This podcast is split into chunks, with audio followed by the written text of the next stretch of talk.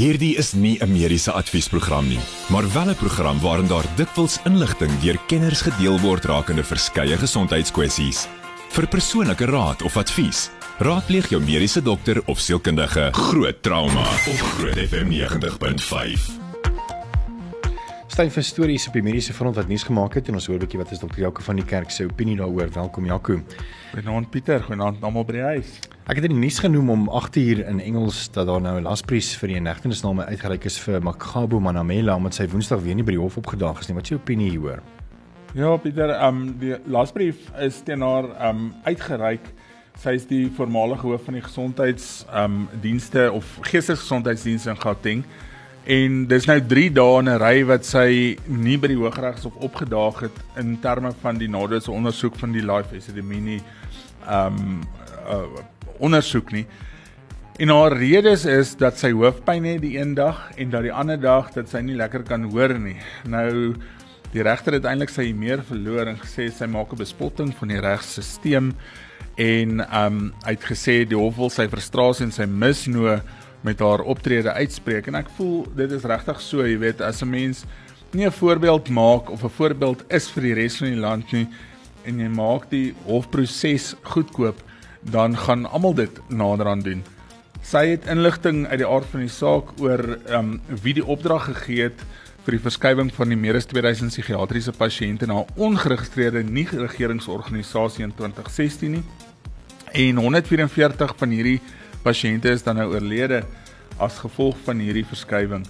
Ehm um, so dis 'n redelike belangrike 144 lewens ehm um, wat sy oor jy weet baie baie belangrike inligting het en sonder dit kan kan die hof nie voortgaan nie. So aan die einde van die dag dink ek dit is regtig goed dat 'n um, voorbeeld gemaak word en dat ons almal eintlik nog steeds respek het vir die hofproses in hierdie land.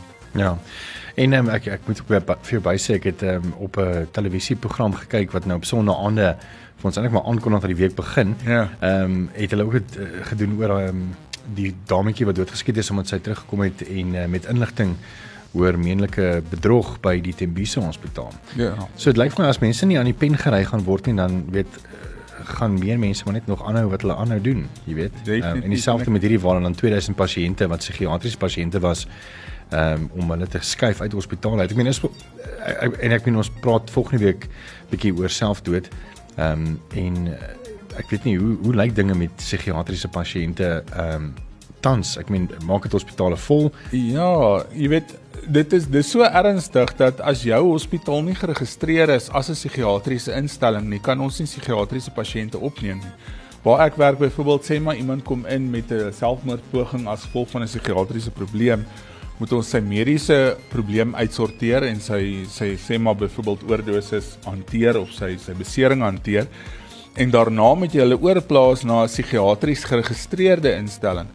Um dit is ongehoord om 'n pasiënt op te neem in 'n psigiatriese omgewing of 'n psigiatriese pasiënt op te neem in 'n omgewing wat nie geregistreer is daarvoor nie, want daar is spesifieke riglyne waarna 'n fasiliteit moet voldoen in terme van die die gesondheid sowel as die die beskerming en die veiligheid van hierdie pasiënte wat nie altyd na hulle self kan omsien nie.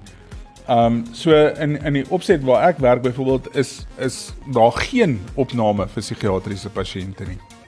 Behalwe as dit 'n mediese rede is. Bly geskakel, ons gaan net hier na 'n bietjie verder gesels en 'n bietjie goeie nuus vir klein Zachary. Ons gaan 'n bietjie vir hom meer vertel oor uh, oor uh, sy kondisie en um, hy lê natuurlik aan mucopolysaccharidose en as jy wil weet wat dit is, Jaco gaan vir jou verduidelik net hier na se bly geskakel daarvoor. En as jy enige mediese vrae het, is jy meer as welkom vir Jaco te vra en aan die einde van die program gaan ons 'n bietjie kyk daarna en uh, jy kan jou vrae stuur na 061 610 4576 onthou standaard tariewe geld. Groot trauma met Pieter Kloete en dokter Jaco van die Kerk op Groot FM 90.5. Welkom terug. Is tyd vir stories op die mediese front wat nuus gemaak het en ons hoor 'n bietjie wat is dokter Jaco van die Kerk se opinie hieroor. Dis 'n skaars 'n week nadat die Hooggeregshof in Pretoria Medial beveel het om vir klein Zachary de Wet wat 3 jaar oud is, se peperduur medisyne te betaal en het sy eerste behandeling al reeds ontvang. Nou, hy ly hy is van Pretoria en hy ly aan mucopolysaccharidose tipe 2. Nou kom ons begin sommer by wat is mucopolysaccharidose tipe 2? Ja, dit word ook um, genoem Hunter syndroom um 'n baie skaars aangebore of kongenitale abnormaliteit wat voorkom uit omtrent 1 uit elke 100 000 seuns wat gebore word. En dit is eintlik 'n ensiemtekort wat dan nou um gelei of lei tot fisieke en en en verstandelike agteruitgang oor tyd. Um dis 'n ensiemtekort wat ook dan maak dat sekere sekere um voedingsstowwe nie geabsorbeer kan word nie. Um maar definitief met die behandeling wat dan nou beskikbaar is en die enigste behandeling wat beskikbaar is, kan dit sy lewensverwagting dramaties verander. Um die middel se naam is Elaprase en ek dink mense kan die naam sê want um punt nommer 1 daar is nie 'n kompeterende middel nie. En nommer 2 dis een uit elke 100 000 kinders wat daarmee gebore word en nommer 3 is dit kos 180 000 rand 'n maand. Um en ek dink dis die groot rede hoekom um Medihelp dalk in die begin teengestribbel het om hierdie 180 000 rand 'n maand te betaal vir 'n vir 'n siekteproses wat nie genees kan word nie, wat net vertraag kan word. So as mens gaan kyk na Hunter syndroom of mucopolysaccharidose, dan is jou lewensverwagting gewoonlik tussen 12 en 18 jaar oud afhangend van mens tot mens. Maar met hierdie middel of ensiemvervanging kan dit tussen 40 en 60 jaar wees. Die krisis hiermee is dat hierdie um, middel word intraveneus of deur 'n drip toegedien, vat so 3 en 'n half ure om in te loop en die pasiënt wat dan nou Zachary is, moet dan 'n dag lank in die hospitaal daarna bly om um observeer te word vir uit die aard van die saak um neeweffekte en en en komplikasies omdat dit 'n liggaamsvreemde proteïen eintlik is wat hulle gee ook. Um So dit is 'n groot omwenteling in hierdie kind se lewe ook want hy gaan weekliks vir die res van sy lewe in 'n hospitaal spandeer en hy gaan meer as 24 uur van elke week vir die res van sy lewe in die hospitaal spandeer. Maar 'n mens kan ook nie hierdie kind daarvan weerhou om goeie behandeling te kry nie. En ek dink dit maak 'n groot verskil as mens dink aan 'n lewensverwagting tussen 12 jaar en 40 jaar of tussen 18 jaar en 60 jaar maak 'n groot groot verskil en ek dink Mens kan nog steeds 'n relatiewe goeie kwaliteit lewe lei en mens kan maak dat sy fisieke en geestelike en verstandelike agteruitgang redelik vertraag word in hierdie tyd. Dis 'n stories op 'n mediese front wat nuus gemaak het en ja, dokter Jacques uh, van die kerk wat natuurlik sy opinie daaroor deel. Bly ons skakel dit hierna gaan ons 'n bietjie gesels uh, oor uh, Afrika middels en waar dit inpas uh, in die mediese veld en ook so 'n paar ander onderwerpe so bly gerus geskakel daarvoor. Hierdie is nie 'n mediese adviesprogram nie, maar wel 'n program waarin daar dikwels inligting deur kenners gedeel word rakende verskeie gesondheidskwessies. Vir persoonlike raad of advies, raadpleeg jou mediese dokter of sielkundige. Groot trauma op Groot FM 90.5. Aan die einde van Augustus was dit 'n uh, dag van uh weet soos elke dag soos byvoorbeeld dat mense nou vier soos bloedskenkdag en die meer was dit um, gewy aan tradisionele medisyne. En ek wil nog altyd by Jaco gehoor het waar pas dit in by moderne medisyne? Jy weet as mense nou kyk na Afrika tradisionele medisyne byvoorbeeld. Ja, Pieter, ek dink as mense kyk na moderne medisyne dan dink ons um tradisionele geneeskunde is baie primitief.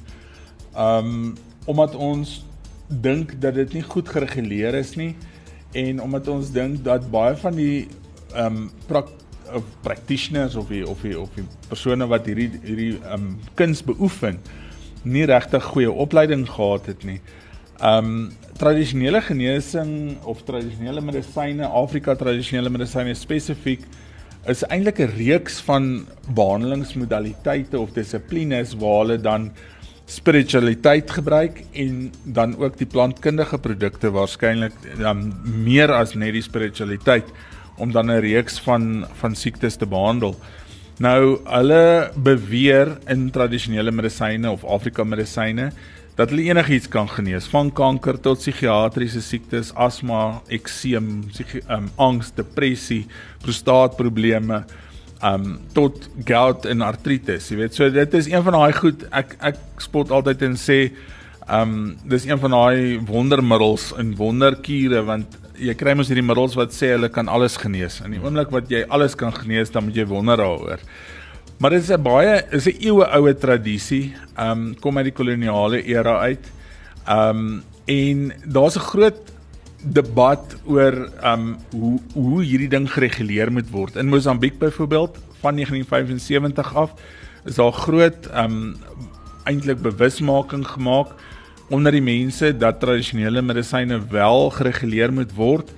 Um en soos wat die Christendom ontwikkel, het meer westerse um benadering van medisyne en en en en mediese sorg um in hierdie areas versprei en daar's groot kompetisie tussen die Afrika tradisionele medisyne um uh eintlik praktik of praktisyns en en en die gewone mediese praktisyns. Um die maniere hoe hulle diagnose maak is is eintlik baie moeilik. Um want hulle gebruik dan 'n groot gedeelte wat hulle sê is spiritueel spiritueel. Um waar hulle eintlik die pasiënt se se geskiedenis neem en ons gebruik dit ook. Ons gebruik ook 'n goeie geskiedenis maak ek dink amper 95% van die diagnose. Um maar hulle koppel dit nie aan 'n goeie geskiedenis neem nie, hulle koppel dit aan 'n spirituele ondertoon. Die behandelings wat hulle gebruik wissel van behandelings wat ons in standaard medisyne ook gebruik want mense moet onthou daar buite ons gebruik baie plantkundige produkte of plantaardige produkte in medisyne tog ook. Um maar dan gaan hulle na die ander kant toe van die pseudowetenskaplike of die magiese behandelings. Um jy weet net om voorbeelde te noem, daar's baie keer wat hulle 'n uh, 'n 'n plant plantaardige produk warm maak en oor ooglede vryf byvoorbeeld hoofpynne. Hulle sê jy moet um van die plante um brand en dan inasem vir malaria. Hulle praat van bladkapping waar hulle gate maak in die lyf en dan um suig koppies opsit vir um byvoorbeeld migraines en absesse. Nou ek dink dit werk vir absesse want jy gaan 'n abses dreineer as jy aan hom suig, jy weet in 'n gat maak. Maar ehm um, en en ek dink daar is definitief van hierdie persone wat dan sukses het in hulle in hulle behandeling van hierdie mense. Dis nogal net skrikwekkend om te dink hoe hierdie mense opgelei word want daar's drie maniere hoe hulle opgelei kan word. Een is as jy self 'n pasiënt is en jy het ervaring, dan kan jy jouself uitgee as 'n geneeser. Die twee is as jy gebore word en jy glo jy is spiritueel sterk genoeg en die die die voorvadergeeste het vir jou die die kennis en insig gegee en 3 is jy kan 'n internskap by 'n praktiserende um Afrika praktisyn gaan doen.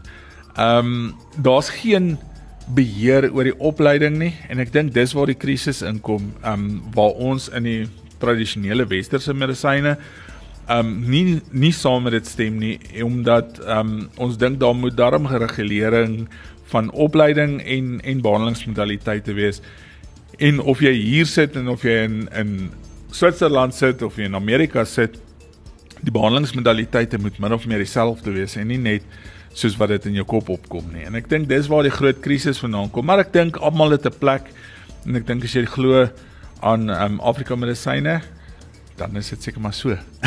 Net om af te sluit, hoe vergelyk dit nou byvoorbeeld met byvoorbeeld kom ons sê byvoorbeeld die Khoisan wat nou glo dat uh, weet klipdag gaan in Rome 'n wonderkuur is en uh, kom ons kyk maar byvoorbeeld soos die voortrekkers wat ook maar sekere van boererate gehad het ja. om mense te help. Ek dink dit is familie van mekaar. Ek dink die boererate is net heeltemal um op daai selfde trant. Um jy moet glo in die goed wat werk. En ek dink sommige van die goed werk, jy weet, van die goed het van die plantkundige of plantaardige uh, materiale het aktiewe bestanddele in en dit gaan 'n effek hê. Enige ding wat 'n aktiewe bestanddeel in het, gaan 'n effek hê en sekere van die goed werk en ek dink dit is dis nie iets wat 'n mens kan weggooi nie. Maar ek dink ook 'n mens moet nie al jou geloof daarin sit en 100% net dit aanhang nie. En dan net laastens dink jy nie dit dit het ook maar dieselfde as die placebo effek. Ek dink 'n groot deel het placebo effek. Ek dink baie keer ons dink ons self siek, maar ons kan onsself ook gesond dink. Hmm. As jy positief bly ten spyte van 'n slegte siekte, jy baie beter uitkoms as wat jy negatief is. Ek sien met chirurgie ook byvoorbeeld, iemand wat positief in 'n chirurgiese prosedure ingaan, gaan baie makliker daardeur en herstel baie vinniger. Iemand wat negatief daarin gaan en sê hoe gaan ek daardeur kom? Gaan ek herstel? Dis hulle wat komplikasies kry en dis ook hulle wat sukkel om om te rehabiliteer daarna. So ek dink definitief 'n mens se gedagtes en manier van dink het 'n groot effek op die uitkoms van van hierdie behandelings. Aan die einde van die program is dit vra vir Jaco as enige mediese vrae het. Dit hoef nie oor ons onderwerpe te gaan nie.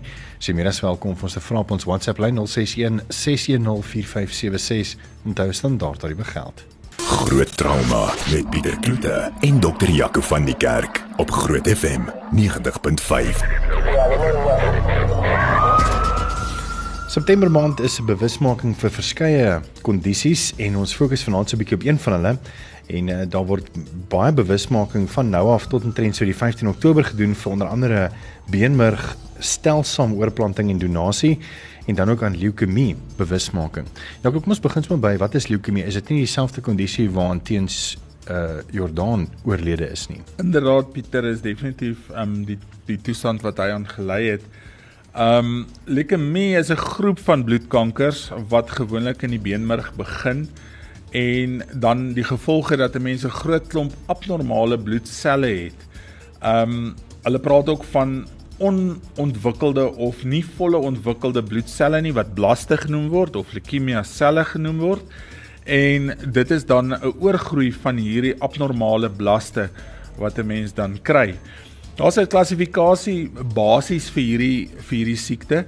Ons praat van akute leukemie of kroniese leukemie is aan die een kant Ehm um, en dan kry ons twee subtipes, akute limfoblasties of kroniese limfoblasties en dan akute mieloïd of akute ou kroniese mieloïd. Nou dit klink baie baie ehm um, kompleks en en en as jy regtig diep daarin gaan, is dit redelik kompleks, maar dit gaan oor die tipe sel waaruit hierdie hierdie kankerselle ontwikkel kom dit uit die wit selle uit, kom dit uit die of wat dan nou die limfosiete is of die B-sel limfosiete of kom dit van die rooi selle af, um, van die van die beenmergselle wat rooi selle dan later vorm en plaatjies vorm. En soos ek sê, daar's daar's 'n daar's basies dan nou hierdie vier groot tipes. Um, jy kry eintlik 'n klomp kleiner groepies ook soos haarsel leukemie, T-sel leukemie. So dis regtig waar nie 'n ding die oomblik wat jy die woord leukemie noem wat jy moet dink, ehm um, ag, sy almal gaan nou dieselfde pad loop nie. Ek dink dis baie belangrik. Um ek dink ook om om vir mense daar buite te sê leukemie het 'n wye 'n wye reeks simptome. En as jy van hierdie simptome het, beteken dit ook nou nie jy het leukemie nie, maar basies kom dit daarop neer dat jy psigologiese simptome het wat moegheid insluit, vir eetlesverlies insluit, jy het limfkliere wat baie keer geswel is. Nou gewone infeksies kan ook limfkliere laat swel, maar dit moet as deel van die hele spektrum van simptome gesien word. Jou lewer en of milt kan vergroot. Jy het gewigsverlies soos wat jy by enige kankers het. Baie keer koors want baie keer van hierdie ehm um, leukemie maak ook jou meer vatbaar vir infeksies. Jy het baie keer ehm um, benoudheid, swakheid, pyn in jou gewrigte en in jou bene. Um want dis waar die waar die proses begin. Mense wonder hoekom kry mense leukemie en en, en daar's daar's ook 'n klomp redes, maar een is ioniserende radiasie, een is geneties, baie keer is dit in families. Um goed soos um rook is is een van die groot oorsake vir leukemie.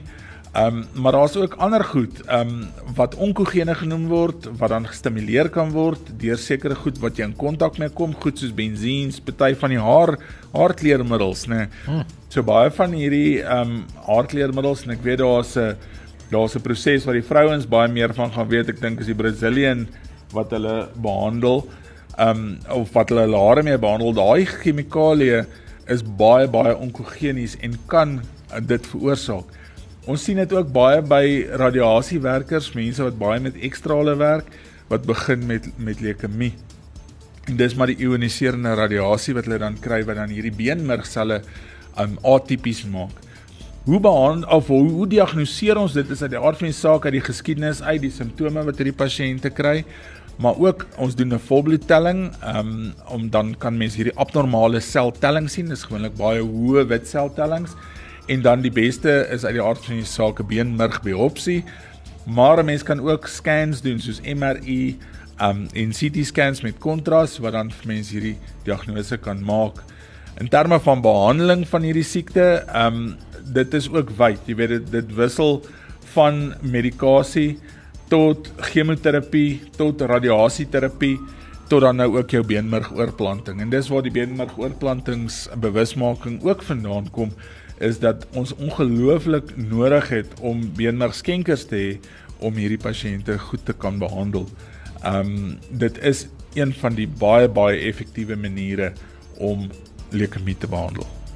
By vir mediese mite minuut. Ek dink ehm um, baie mense dink as jy die woord kanker en leukemie gebruik dan dink mense aan die dood en dat dit ehm um, al, altyd sal eindig aan die dood. Die prognose inteendeel in um, die Amerika basies op hierdie stadium is tussen 65 en 85% herstelsyfer binne die eerste 5 jaar van behandeling. So aan die einde van die dag baie van hierdie leukemie wat wat gediagnoseer word kan met medikasie goed behandel word. Baie gaan in remissie en 'n groot klomp van die behandelingsmodaliteite wat beskikbaar is tans in die wêreld is baie effektief om leukemie te behandel. So dit is nie 'n doodsvonnis noodwendig sou mens daai diagnose erns kry nie. Hierdie insetsel word geborg deur Caressa Home Nursing Care, die voorsieners van tuisverpleging en verpleging. Sedert 2004 is die verpleegkundiges Gerry en Vanessa Skeepers se fokus die tuisverpleging van pasiënte en bejaardes. Indien jy verkies om tuis aan te sterk na hospitalisasie, sal Care by Vanessa jou tuisverpleging met sorg bestuur. Skakel Care by Vanessa by 012 947 9799. Besoek ons op Facebook of by caressa.com co.za. Professionele tuisverpleging met deernis. Ons verpleegsters en versorgers kry nie altyd die erkenning wat hulle toekom nie en daarom het Groot FM 90.5 hande gevat met Caressa Home Nursing Care en ons wil hê jy moet ons help die erkenning gee aan wie dit toekom. En al wat jy moet doen is is om 'n geregistreerde verpleegster of versorger te nomineer. En hy of sy moet in Pretoria woon en die afgelope 2 jaar verskil in iemand se lewe gemaak het. Jy kan jou nominasie per e-pos stuur aan grootverpleegster@caressa.co.za en dit is Caressa met 2 s'e met jou motivering en hoekom jy hierdie persoon nomineer en hy of sy staan aan 'n kans om maandeliks 'n finalis te word en uiteindelik in Mei 2023 weg te stap met 'n R30000 kontantprys van Caressa en 'n R20000 se vakansie van Sonja Smit begrafnisdienste besenfees geld. So hoe dit gaan werk is elke week gaan ons met jou een van hierdie nominasies deel en dan aan die einde van die maand kies ons dan een wat vir ons uitstaan en hierdie word dan 'n finalis om dan uiteindelik dan moontlik die groot prys van R30000 kontant en R20000 se vakansie te kan wen. En ons eerste nominasie natuurlik Ja, Pieter is kom van Veltie Veldman af. Um hy nomineer vir Jacqueline, sy werk by huis Herfsblaar in Pretoria. Hy sê ehm um, sy het in die harte van menige bejaarde 'n spesiale plekkie ehm um, waar sy 'n pad met almal stap. Sy het al die mooiste eienskappe wat 'n mens van kan droom en sy stap saam met elke bewaar, uh, bejaarde in uh, wie sy in kontak kom en lank lewe die versorger wat sy is. So ek dink Jacqueline is ons eerste ehm um, finalis en ek dink ehm um, Veltie Veldman daar is hy. Dankie vir jou uh, nominasie. En onthou natuurlik opofferings en diensbaarheid kom natuurlik en in 'n liefde is natuurlik onvoorwaardelik. Ons verpleegsters en versorgers kan ook nie altyd die erkenning wat hulle toekom nie en daarom vra ons jou en uh, Groot FM 90.5 en Caressa Home Nursing om 'n geregistreerde verpleegster of versorger te nomineer wat in die afgelope 2 jaar 'n daadwerklike verskil in iemand se lewe gemaak het. Jy kan jou nominasie stuur na grootverpleegster@caressa.co.za en Caressa is eintlik maar caressa.co.za met die motivering oor hoekom jy hierdie persoon nomineer en of en hy en sy staan natuurlik aan 'n kans om maandelikse finalis te word en uiteindelik volgende jaar Mei in 2023 weg te stap met R30000 kontant uh van Caressa en R20000 se vakansie van Sonja Smit begrafnisdienste bees en feesgeld. Net vir 'n e-posadres grootverpleegster@caressa.co.za. Groot trauma op Groot FM 90.5. Baie dankie vir jou vraag wat jy vir ons stuur. Ons gaan net hierna kyk om dit vir jou te beantwoord. So bly gerus ingeskakel daarvoor. Jakob Vrydag is internasionale bewusmaking vir fetal alkohol sindroom. Wat is dit en hoekom moet ons bekommerd wees oor hierdie sindroom? Pieter ja, fetale alkoholsindroom is eintlik 'n spektrum ook van van sindrome of ehm um, siektes of abnormaliteite wat dan geassosieer word met die inname van alkohol gedurende swangerskap. Ehm um, daar's 'n hele reeks van forme van hierdie toestand. Ehm um, jy kry die aard van die saak die gewone fetale alkoholsindroom, dan kry jy gedeeltelike fetale alkoholsindroom ehm um, met geboortedefekte statiese enkefalopatie en dan orgaan of alkoholverwante neuroontwikkelingsabnormaliteite as gevolg van fetale alkoholsindroom. So daar's 'n groot klomp onderafdelings nou al van fetale alkoholsindroom. Ek dink as jy medisyne 'n kans gee, dan wil hy alles klassifiseer en hy wil alles meer kompleks maak as wat dit seker sekerlik hoef te wees. Maar basies kom dit daarop neer dan nou um na die alkoholinname tydens swangerskap dat jy groei abnormaliteite kry. Um, dis een van die van die groot probleme. Jy kry lae geboortemassa um, babatjies en hulle groei stadiger.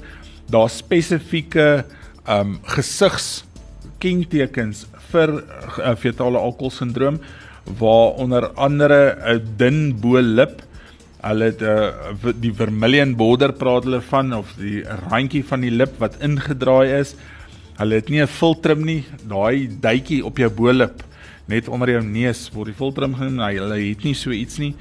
Um hulle het kleiner oogies as normaal en um dan kry jy uit die aard van die saak ook sentrale uh, senuweestelsel abnormaliteite met dan um struktuurprobleme, maar ook um ontwikkelingsabnormaliteite um en funksionele abnormaliteite wat dan nou insluit um jy weet moeilike ontwikkeling, moeilike leer um en kognitiewe inkorting.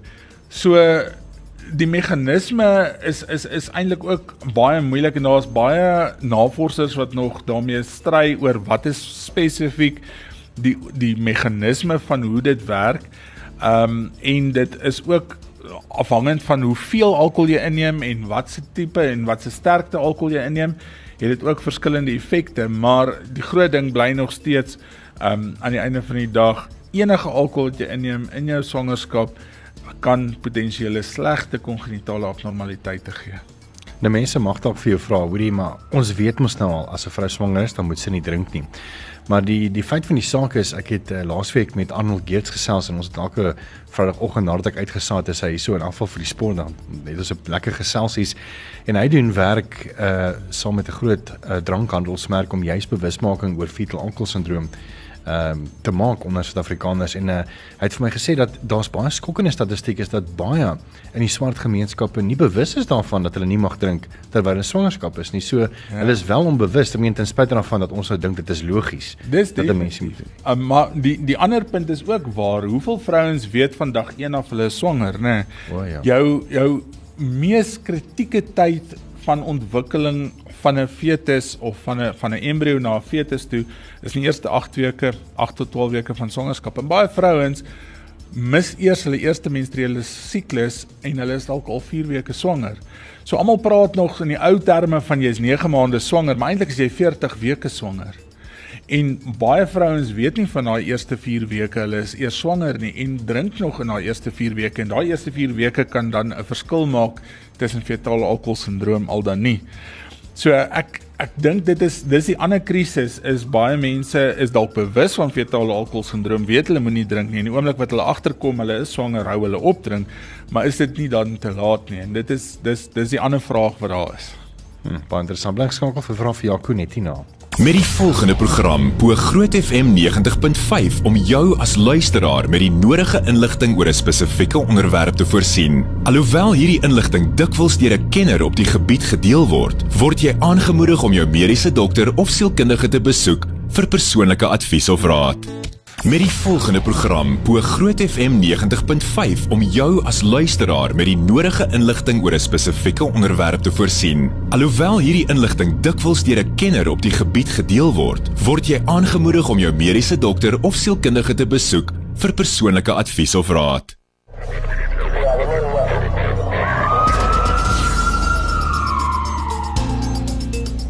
Welkom terug. Dis tyd vir vrae vir Jaco en ons gaan by so 'n paar vrae stil staan vanaand.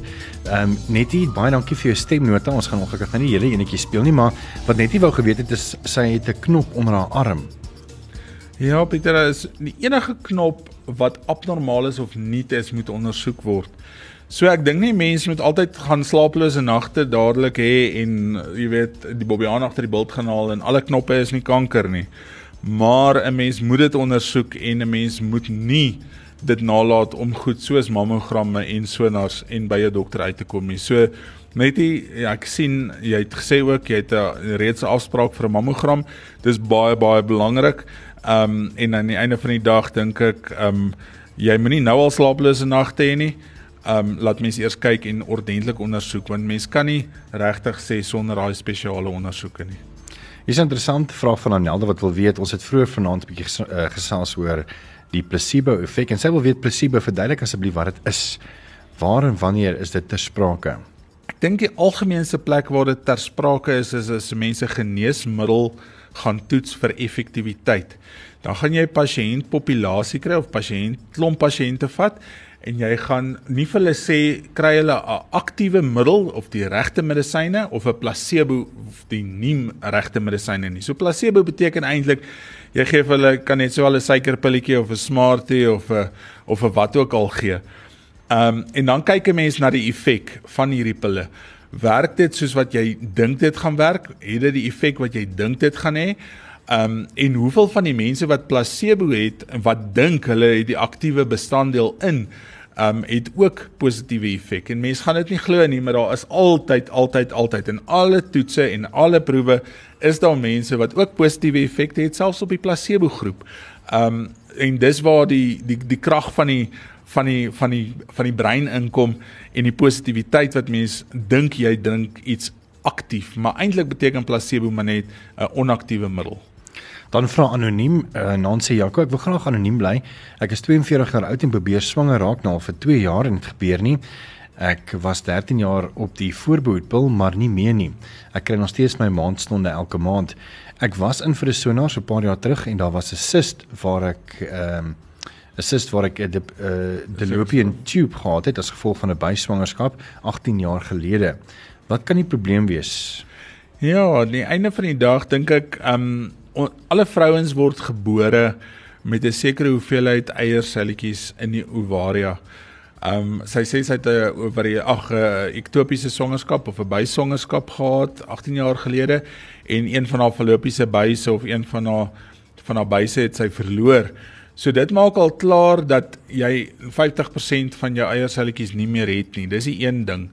Die tweede ding is hoe ouer ons word met elke menstruele siklus word daar eierselle vrygestel en daai eierselletjies raak al hoe minder en minder en minder en mens weet nie op die ouderdom van 42 hoeveel daar oor is nie. Partykeer ovuleer die vrouens nie meer alhoewel hulle nog steeds kan menstrueer. Jy kry ook anovulatoriese siklusse. Met ander woorde, jy kan nog steeds jou maandstonde of menstruasie kry sonder dat daar ovulasie plaasvind. Die die basiese beginsel hoe hierdie infertiliteit of moeilike swanger raak um proses begin word is gewoonlik om te kyk na die man en die vrou. Die man moet gaan vir 'n spermanalise. Um waar hulle dan kyk na die spermtelling, die die die um, morfologie of die die bou van die sperm en hoe lank die sperm oorleef. En dan die vrou aan die ander kant moet een um seker maak dat sy wel ovuleer 2 mens moet hulle dag 21 progesteroon doen, so mens moet na hulle hormone gaan kyk en 3 mens moet kyk dat daai buis wat oor is oop is en 'n sonar is nie altyd genoeg nie. Mens kry hysterosalpingogramme, daar's 'n klomp ander spesiale ondersoeke wat mens kan doen om te kyk of hierdie vrou ovuleer en of haar buis wat sy dan oor het oop is. Maar uh, om 'n buis te verloor is al klare krisis en om 'n buis te verloor maak mense risiko om te sukkel om swanger te raak uh, meer. Ehm um, baie keer ek praat nou ek gaan afsluit deur te sê ehm um, die ouer ginekoloog het of een ouer ginekoloog het vir my geleer jy moet die vrou leer dat ehm um, die pogings om swanger te raak moet op dag 13, 15 en 17 van jou menstruele siklus wees en jy begin tel op dag 1 van jou menstruele siklus en op dag 13, 15 en 17 is jou mees vrugbare tyd. Dankie Jaco en um, hier goed, dankie vir jou vraag. Ons gaan 'n bietjie volgende week daarby stil staan en uh, dankie ook vir jou terugvoer Jolien. Dit was groot trauma en ons is volgende week Woensdag weer terug. Groot trauma met Pieter Kloete en dokter Jaco van die Kerk op Groot FM 90.5.